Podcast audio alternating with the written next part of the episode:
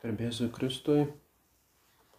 Tęsėme mūsų temą apie angelus. Kalbėjome apie angelus kaip Dievo šlovintojus, kaip jo pasiuntinius ir šitos užduotis, kurias atlieka angelai, jos yra puikiai visiems žinomos. Tačiau kiti aspektai nėra tokie aiškus, tačiau ir apie juos galim prisiminti. Tarkim, angelai kaip teisėjai. Ar angelai teis puolusius angelus ar teis e, nusidėlius žmonės. Danieliaus knyga 7 skyrius. Tūkstančių tūkstančiai jam, tai yra Dievui, tarnavo ir mirijadų mirijadai pas jį stovėjo, teismas sėdosi posėdžių ir buvo atskleistos knygos. Reiškia, tie mirijadai, kurie tarnauja Dievui, jie dalyvauja ir tame teismo posėdyje, kuriame bus atskleistos knygos, kur bus surašyti visi geri ir blogi darbai. 82 psalme Dievas užima savo die vietą dieviškoje taryboje, dievų sueigoje jis teisė. Dievas, tai yra Elohim, užima savo vietą taryboje, Edach, dievų sueigoje arba dievų tarpe Bekeref Elohim reiškia angelų tarpe jisai teisė. Arba pirmas laiškas korintiečiams šeštas skyrius. Ar nežinote, kad šventieji teis pasaulį? O jeigu teisite pasaulį, tai nejaugi nesugebėtumėte išspręsti menkučių bylų. Ar nežinote, kad mes teisime angelus, tad juo labiau kasdienius dalykus? Reiškia, jaunojame testamente aiškiai sakome, kad ir žmonės, kurie jau dabar vadinami šventaisiais, tai yra perima tą vardą, kuris Sename testamente taikytas angelams, jie bus kooptuoti į angelų teismo tarybą ir teis ne tik tai kitus žmonės, reiškia nusidėlius, bet teis net ir angelus. Ar nežinote, kad mes teisime angelus, kokia didžiulė garbė žmonėms? Bet apie angelus kaip teisėjus tai yra būtent tik tai kelios tokios užuominos. Ir kita funkcija yra angelai kaip kariai ir kaip baudėjai. Žinoma, tai yra tokia nemaloni tema, kuri ši, šiandien apskritai yra nutylima. Mes kalbėjome apie tą esminę savoką Sename testamente. Caba, cebaot, reiškia kareivijos. Mm, tai kilę iš tokio žodžio caba veiksmažodžio, kuris reiškia suburti, tokį kaip spiečio arba grupę, reiškia tai yra žmonių grupė. Ir jau sakėme, kad tas žodis taikomas Senojo testamento levitams, kurie susispietę, jie patarnauja kunigams iš Arono linijos, bet pirmiausia, tas žodis taikomas kareiviams, armijai, e, būtent e, su, su kaupta armijos jėga kareiviai. Ir šitas žodis neturi reikšmės tvarka arba papuošimas. Ir labai įdomu, kad e, pačioje pradžioje Senojo testamento antras skyrius pradžios knygos Caba, reiškia kareivyje, yra verčiama graikiškai kosmos, reiškia papuošimas, papuošalas, kažkas tai papuošta.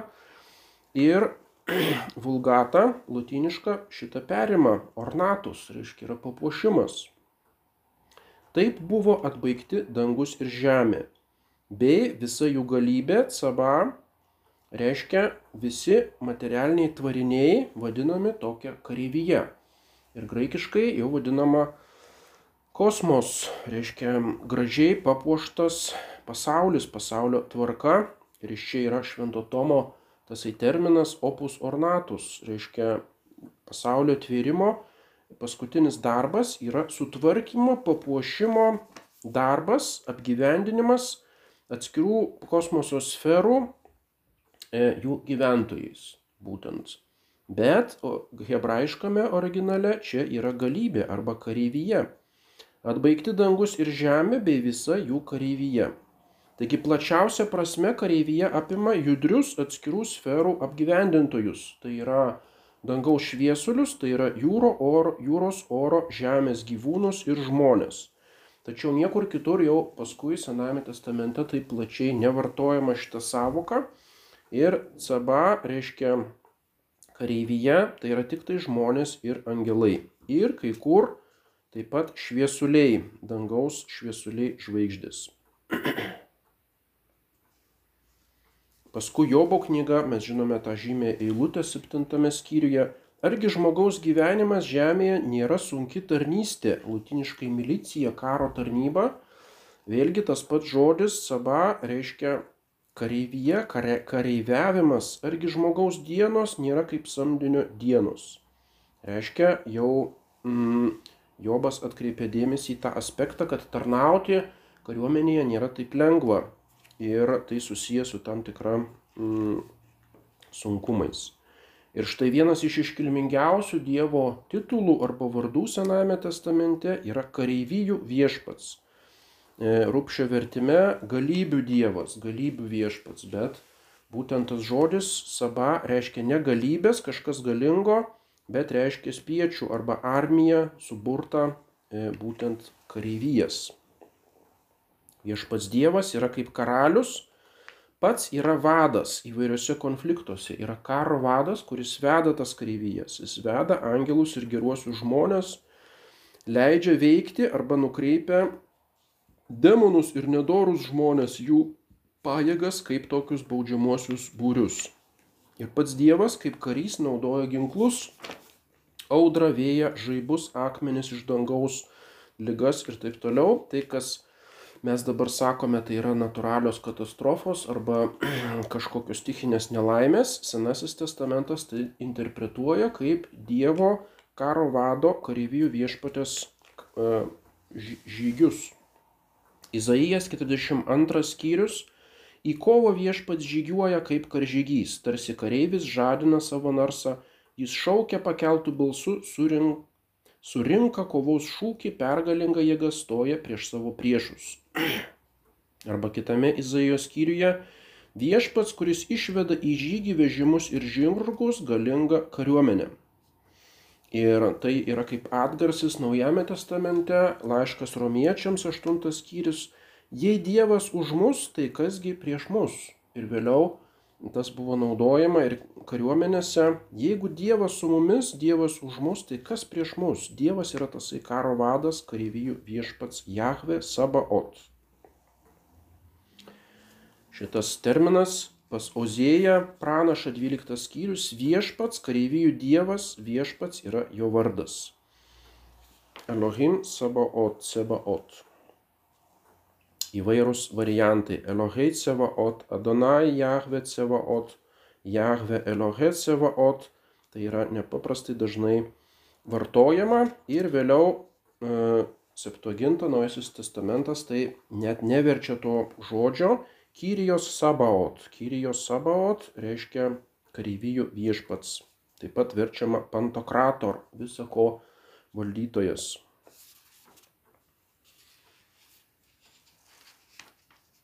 Ir įdomu, kad pirmiausia, Sename testamente Dievas veda kokią armiją?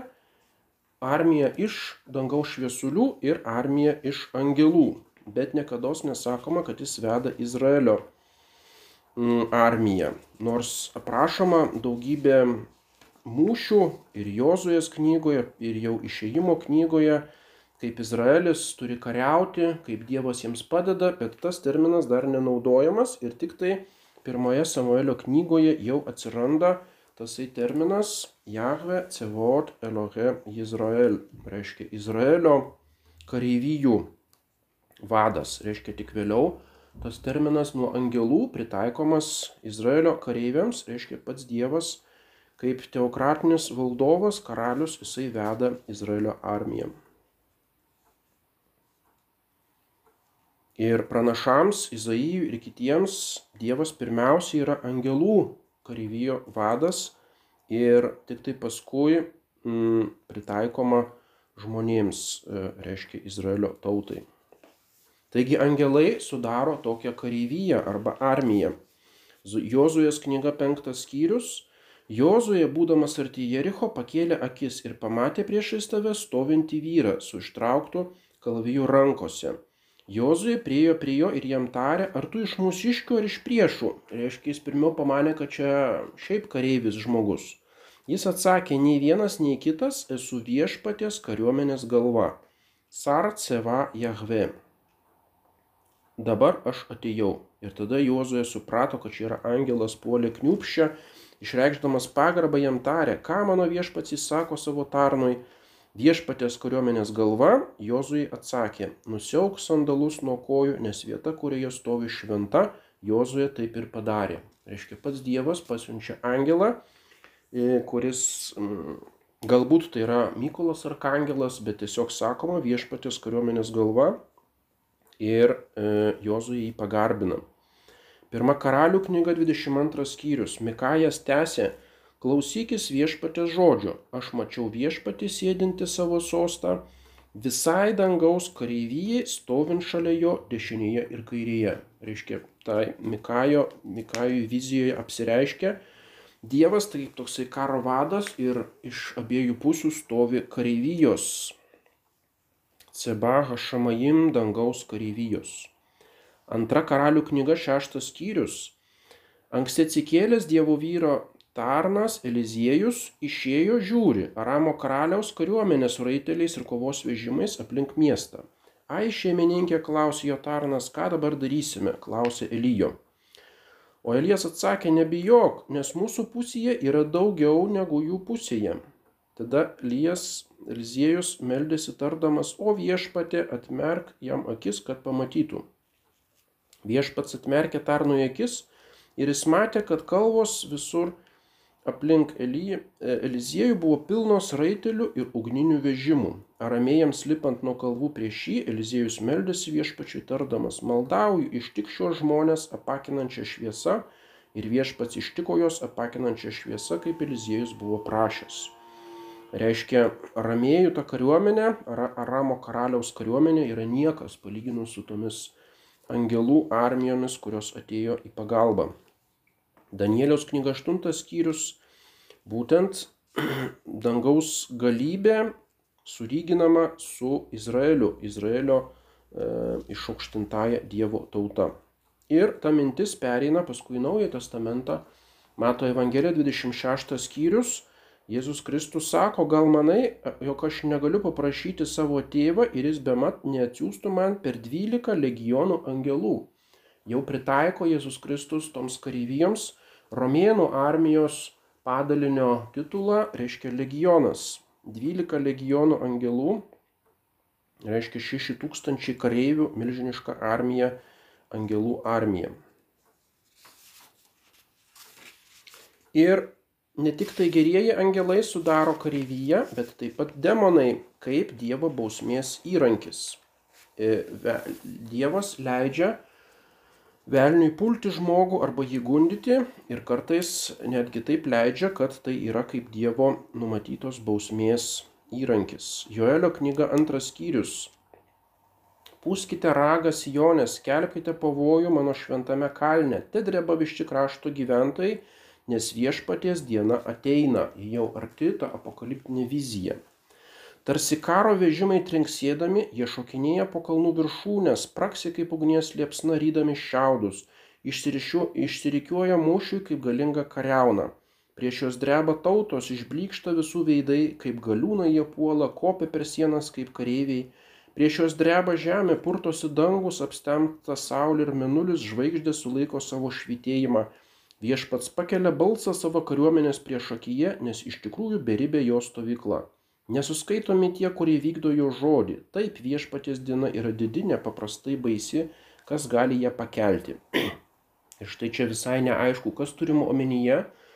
Ar žmogiška kariuomenė, kažkokie priešai, kurie užpuls Sijoną, ar tai yra gerųjų angelų armija, kuriai vadovauja pats Dievas savo kariuomenės priešakyje, ar tai yra demoniška armija, kurią Dievas tik tai naudoja kaip įrankį. Tas žodelis kaip tarsi karo vežimai, kaip ugnies liepsna, kaip galiūna jie puola, atrodytų, kad čia vis dėlto neturima omenyje žmonių armijos, nes e, tai yra visiškai pranoksta žmogiškos kariuomenės jėgas. Joelio knyga toliau viešpats pajuto pavydą dėl savo krašto, pasigailėjo savo tautos, Viešpats tarė, niekuomet nebedarysiu jūsų pajoką tautoms, kariauna iš šiaurės nutolinsiu nuo jūsų, išvarysiu jai į išdegintą ir apleistą kraštą, jos priekinius piečius į rytų jūrą, o užpakarinius piečius į vakarų jūrą. Kils jos dvokimas, klis jos puvėsių kvapas, nes ji išdryso išdidžiai elgtis.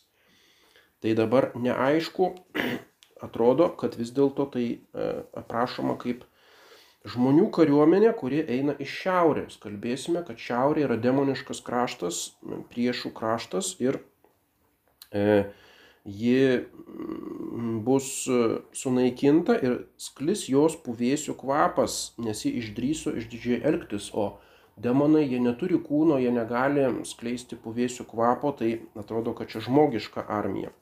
Tai reiškia, Joelio pranašystėje viskas susipina Atlyginsiu jums už metus, kuriuos suėdė skėriai, skraiduoliai, šokliai, rygikliai ir skėrių vikšrai, didžioji mano kariauna siūsta prieš jūs. Žinokite, kad aš esu Izraelyje, aš esu viešpats jūsų dievas, kito be manęs nėra. Tai dabar jau atrodo, kad ta kariauna yra gamtos nelaimės, tai yra skėriai įvairių rūšių, apie kuriuos jis pradžioje rašo, skėrių vikšrai, didžioji mano kariauna siūsta prieš juos. Galbūt tai jau nebe žmonės ir nebe demonai, o tai jau tos gamtos nelaimės. Taip kad visi šitie atvejai, visi, visos tos negandos, kurios ištinka Izraelį, jos susipina pas Joelį į tokį bendrą vaizdą. Apreiškimo knygoje Naujajame testamente jau kalbama konkrečiai apie baudimo angelus. Sutrimitavo šeštasis angelas, apreiškimo knyga devintas skyrius. Išgirdau balsą nuo keturių ragų auksinio aukuro, stovinčio Dievo akivaizdoje. Dievas įsakė šeštajam angelui turinčiam trimitą, paleisk keturis angelus, kurie yra surišti prie didžiosios Eufrato upės. Ir buvo atrišti keturi angelai, paruošti nustatytą valandą, dieną, mėnesį, išžudyti trečdalį žmonių. Jų kariuomenės skaičius, aš išgirdau jų skaičių, buvo du milijardai milijardų raitelių. Taigi aš mačiau regėjime žirgus ir raitelius su krūtinšarviais, ugnespalviais, violetiniais ir geltonais, Žirgų galvos atrodė kaip liūtų galvos, o iš jų nasrų veržėsi ugnis, dūmai ir siera. Trečdalis žmonių žuvo nuo šių piktenybių, nuo ugnies, dūmų ir sieros besiveržiančių iš jų nasrų. Madžirgų gale jų nasruose ir uodegose. Jų uodegos panašios į gyvates ir turi galvas, kuriomis kenkia. Bet kiti žmonės, kurie nebuvo šių piktenybių išžudyti, vis tiek nepametė savo rankų darbų kad jau nebegarbintų demonų ir auksinių, sidabrinių ir toliau stabų, kurie negali nei matyti, nei girdėti, nei vaikščioti. E, apokaliptinė bausmė, kurią vykdo tokios karingos būtybės, kurios labai panašios į tos Joelio. Tas armijas nenugalima kariauna milžiniška, bet joje susipina tos demoniški elementai. Reiškia, tai yra keturi baudimo angelai, reiškia kurie buvo surišti prie Eufrato upės toje šiaurės krašte Babilonijoje, reiškia tai netrodo, kad yra gerieji angelai.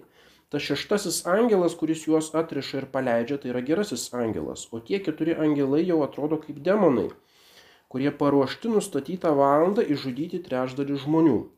Tačiau tų demonų tie žirgai ir jų kariuomenės primena tuos skėrius iš Joelio knygos, tuos reiškia kaip žvėris, gyvates arba mm, gamtos nelaimės, ugnies, dūmų, siera ir taip toliau, e, kurie žudo Dievo priešus. Reiškia tokia vizija, simbolinė vizija, kurioje vis dėlto atrodo, kad čia yra demonai, kurie tarnauja kaip Dievo kareivyje. Pats sunkiausias toks tema kurio dabar nenagrinėsim Sename testamente, tai yra haram. Haremas tai yra tokia kaip įsakymas sunaikinti tam tikrus žmonės arba tam tikrus miestus arba net atskiras tautas. Reiškia, Dievo įsakymas, Dievas kaip budelis arba kaip tas, kuris įsako sunaikinimo ritualinės aukos įvykdymą. Haram reiškia tai, kas uždrausta, tai, kas prakeikta ir atskirta. Religinė sunaikinimo bausmė. Izaijas 34 skyrius. Viešpas yra įpykęs ant visų tautų, išėlęs ant visų jų galybių. Paliko prapulčią jas, atidavė sunaikinti kaip atnašą. Reiškia religinės e, sunaikinimas.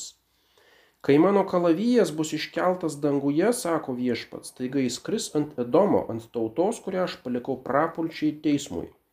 Laiko viešpats rankoje kalavyje, krūvina visą, aptekusi riebalais, įriukų ir ožių krauju, avinų inkstų taukais, nes viešpačiai krūvina auka Bozroje, didelis kraujo leidimas Edomo krašte. Viešpačiai priklauso diena keršto atpildo metai už Sioną, reiškia už Izraelio tautą pats Dievas keršyje Edomui ir atrodo kaip asmeniškai tą daro ir tai daro lygiai panašiai kaip kad aukojamos krūvinos gyvulių aukos ant altoriaus. Reiškia, tai yra kaip ritualinė auka, kuria sunaikinamas, sunaikinami žmonės, sunaikinami priešai. Aišku, mums sunku šiais laikais suvokti, interpretuoti tokias vietas. Sofonijo knyga pirmas skyrius. Viešpaties diena arti. Ta viešpaties diena visą laiką yra apokaliptinis baudimo metas. Viešpats paruošė krūviną auką, pašventė savo svečius ir krūvinos aukos viešpatės dieną nubausiu didžiūnus bei karaliaus sūnus ir visus, kurie rengėsi svetim šalių apdaru. Svečius Dievas paruošė, reiškia, e, kurie ruošiasi tai e, pagoniškai apeigai su svetimšalių apdarais ir būtent Dievas pats juos nubaus. Tačiau dažnai yra kalbama apie angelus, kuriuo jisai siunčia. Ne pats Dievas atlieka šitą haram, bet siunčia angelus kaip baudėjus arba budelius. Šitie baudėjai puolami, puola neištikimus izraelitus, baudžia žydų tautą, yra budeliai individualiems nusidėjėliams yra kaltintojai ir budeliai pomirtinėme teisme, paskutiniajame teisme, pragare. Ir taip pat yra šito haram arba e, tautų, pagonių tautų baudimo įrankiai. Bažnyčios tėvai išskiria atskirą kategoriją baudimo angelai. Ir dalis tėvų rašo, kad tai yra gerieji angelai, tai nėra demonai, Bet jau šventasis Augustinas Jeronimas Grigalius Didysis jau dvėjoja, ar šitą baudimo funkciją atlieka gerieji angelai ar demonai. Tarkim, ankstesniai tėvai e, sako, kad netgi pragare, reiškia pasmirktuosius, sulaiko sukaustytus ir baudžia gerieji angelai, o ne demonai. Tačiau jau nuo Augustino Jeronimo laikų jau vis dėlto įsigali ta nuomonė, kad demonai atlieka šitą nemalonę baudimo ir budelių funkciją. Šitas baudimas prasideda jau nuo žmogaus išvarimo iš rojaus, pradžios knyga trečias skyrius. Išvarė žmogų, Dievas pastatė į rytus nuo Edeno sodo kerubus ir liepsna švitruojantį kalavyje, kelio prie gyvybės medžio saugoti. Reiškia, jis pastatė kerubus, e, tai yra angelai iš aukštesnių hierarchijų, kurie jau atlieka kaip sargybinių ir, reiškia, grasinančią funkciją. Ir prie tų kerubų yra liepsna švitruojantis kalavijas. Kas tai yra? Ar irgi kažkoks angelas, ar kaip įrankis tų kerubų mes nežinome. Toliau pati žymiausia baudėjų funkcija tai yra perėjimo angelas. Perėjimo arba paskos angelas tai įspūdingas aprašymas išėjimo knygoje 12 skyrius. Paskos avinėlį taip turėsite valgyti, susijuose juosmenį su sandalais ant kojų ir lasda rankoje, valgysite jį paskubomis. Čia yra pascha prieš išeinant žydams iš Egipto. Tai yra viešpatės pereimas. Pascha reiškia pereimas. Pasach, nelabai ne aišku, ką reiškia tas žodis, kai kurie sieja su egiptietišku žodžiu pesach, kuris reiškia smūgį, tai yra tokia kaip Dievo rykštė, kuris sunaikins egiptiečių pirm, pirmagimius. Taigi, tą pačią naktį aš pereisiu per Egipto žemę, užmuždamas visus Egipto krašto pirmagimius, ne tik žmonių, bet ir gyvulių. Padarysiu teismą visiems Egipto dievams, aš viešpats. Betgi kraujas paženklins namus, kuriuose jūs esate, matydamas kraują jūs praeisiu ir jokia rykštė neištiks jūsų, kai aš niokosiu Egipto kraštą. Atrodo, kad čia pats Dievas atlieka tą funkciją, tačiau iš kitų vietų ir konteksto iškėja, kad čia vis dėlto yra angelas, specialus perėjimo angelas, žudantis angelas.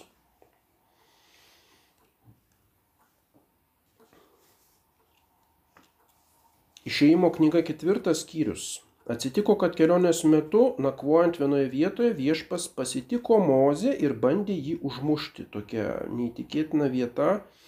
Reiškia, keliauja savo, ruošiasi nakvoti, lyg niekur nieko ir staiga ištinka kažkokia dvasinė jėga. E, viešpats, bet čia tikriausiai turimas omenyje tas baudimo angelas. Bet Zipora, paėmusi titnagą, atliko apipjaustimą Mozės e, sūnui, tardama, tu esi mano kraujo sužadėtinis, o kai viešpas nuo jo pasitraukė, jį pridėjo kraujo sužadėtinis apipjaustimu. Reiškia, tai yra baudimas Mozijai, kad jisai nevykdė apipjaustimo įsakymo iš Dievo. Antra karalių knyga, 19 skyrius. Ta pačią naktį viešpatės angelas atėjęs į Asirų stovyklą užmušė 185 tūkstančius vyrų. Išaušus rytui žiūri, visur guli lavonai. Neįtikėtina e, skerdynės, reiškia, kurios įvyksta prieš Asirus. E, tas pats yra antroje kronikų knygoje. Toliau kalbam apie sunaikinimo angelą. Antra Samuelio knyga 24 skyrius. Viešpats siuntė Izraeliui marą nuo to ryto iki nustatyto laiko ir 70 tūkstančių žmonių mirė nuo Dano iki Berševos. Jau dabar yra baudžiama, sunaikinimo angelas baudžia pačius žydus. Kai angelas ištiesė ranką virš Jeruzalės jai sunaikinti, viešpats apgailėjo nelaimę ir tarė angelui naikinančiam žmonės, gana sulaikyk savo ranką. Tuomet viešpatės angelas buvo prie Araunos jebusiečio klojimo Dovydas pamatęs žmonės naikinantį angelą tarė viešpačiui, štai aš vienas esu kaltas, aš vienas nedorai pasielgiau. Bet šios avis, ką jos padarė, maldauju, te krinta tavo ranka ant manęs ir ant mano tėvo namų. Tokia įspūdinga scena, kur Dovydas yra, kuris buvo jaunystėje piemuo, dabar kaip karalius yra kaip gerasis ganytojas, kuris gailisi tų izraelitų, ką šitos avis padarė, mane bausk, jeigu aš nusižengiau. Ir tada Dievas pasigailė ir šitą sunaikinimo angelą sustabdo. Ir ta pati istorija vėliau kartosius Romoje, kada ištiks maras šitą epidemiją Roma ir būtent e, pasirodys vizijoje Mykolas Arkangelas, tas baudimo angelas, ant Sant'Angelo yra ta tvirtovė, ant kurios dabar yra net pavaizduotas tasai angelas, kuris e, kiša atgal į, į makštis, reiškia tą kardą, kuriuo jisai buvo ištikęs Dievo įsakymų Romos miestą. Ir būtent to angelo permaldavimo momentas yra litanijos, kurios yra gėdamos, didžiosios lita, mažosios litanijos būtent visų šventųjų litanija gėdama kaip atgaila. Tai yra atgailos, atgailos dienos. Būtent mums primena šitą atvejį ir taip pat šitą žymioji angelo tvirtovė Romoje, kur, galima sakyti, bažnyčios istorijoje vos nepažodiškai atsikartoja tai, ką skaitome antroje Samuelio knygoje. Pirma kronik karalių knyga, 21 skyrius Šietonas pakilo prieš Izraelį ir pakurstė Dovydą suskaičiuoti Izraelio žmonės, be Dievo valios atlikti surašymą. Šis dalykas Dievo akise buvo nemalonus ir už tai jis ištiko Izraelį. Taigi Gadas, nuėjęs pas Dovydą, jam tarė, taip kalbėjo viešpats, rinkis, ką nori, arba mar, bada per trejus metus, arba trijų mėnesių bėgimą nuo priešininkų, kai priešų kalavijas nuolat tau už nugaros, arba tris dienas viešpatės kalavijo Maro krašte naikinančio viešpatės angelo visoje Izraelio žemėje. Reiškia, tas maras vaizduojamas kaip e, naikinimo angelas. Dievas pats siuntė Jeruzalę angelą jo sunaikinti. Bet kai tas ėmėsi ją naikinti, viešpats pažvelgė ir ją pagailėjo tokios nelaimės ištiktos. Gana sulaikyk ranką. Kitas baudžiančio angelo atvejis tai yra vadinami būdėtojai budėtojai. Kas tas budėtojas? Danieliaus knygo ketvirtas skyrius. Aš nebukatnezaras, reiškia Babilonijos karalius, buvau patogiai savo namuose ir jaučiausi laimingas savo rūmose, kai sapnavau mane išgazdinusi sapną, mane gulinti lovoje apėmė vaizdiniai ir man į galvą atėję regėjimai sukėlė klaiką. Tai yra tokia medžio vizija. Kai lovoje nesilioviau stebėti regėjimus ateinančius man į galvą, pamačiau nuženginti iš dangaus šventąjį būdėtoją. šventai būdėtoją. Kas tas per būdėtojas?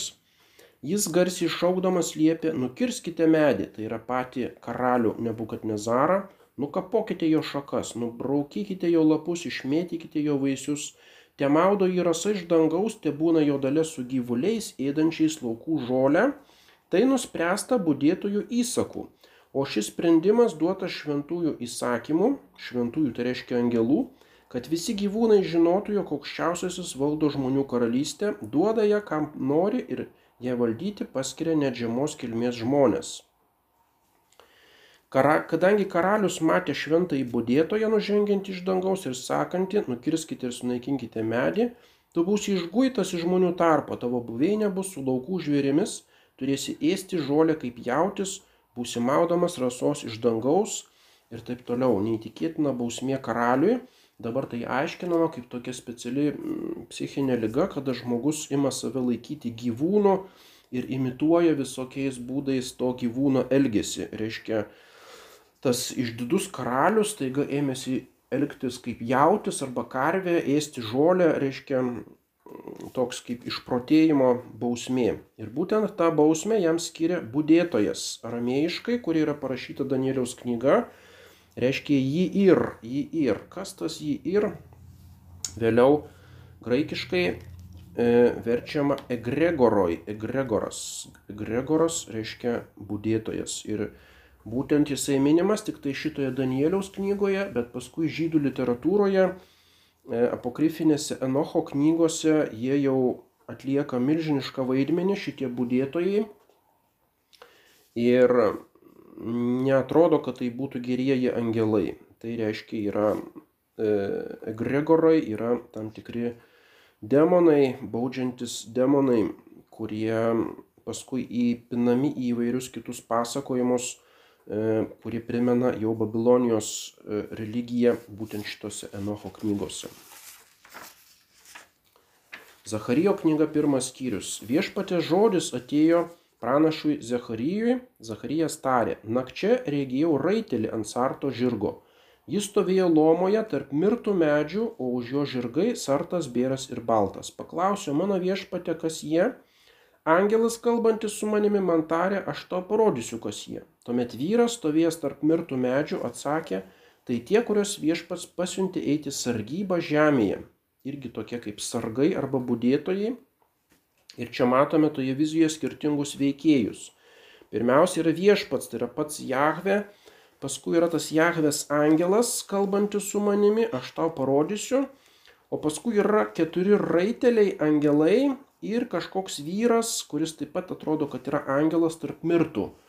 Tai yra simbolinė vizija, kuri vėliau panaudojama apokalipsija. Reiškia, baudžiantis angelai e, einantis sargybą žemėje. Įjome sargybą žemėje ir štai visa žemė taikiai gyvena. Tuomet viešpatės angelas tarė, o galybių viešpatė, reiškia Jahve Sabaot, kaip ilgai dar nepasigailėsi Jeruzalės ir Judo miestų, ant kurių pikai per tuos 70 metų. Angelui kalbėjusim su manimi viešpats atsakė maloniai. Ir su manimi kalbėjusis angelas man tarė, paskelb šią žinią. Taip kalbėjo kareivijų viešpats, aš labai paviduliau Jeruzaliai Sijonui. Reiškia, tie angelai yra ir sargybiniai, eina sargybą ir žemė gyvena taikiai ir kartu jie pasiruošę yra bausti Jeruzalę. Pirma Makabėjų knyga septintas skyrius Nikanoras įžygiavo iš Jeruzalės ir pasistatė stovyklą apie Bet Horono.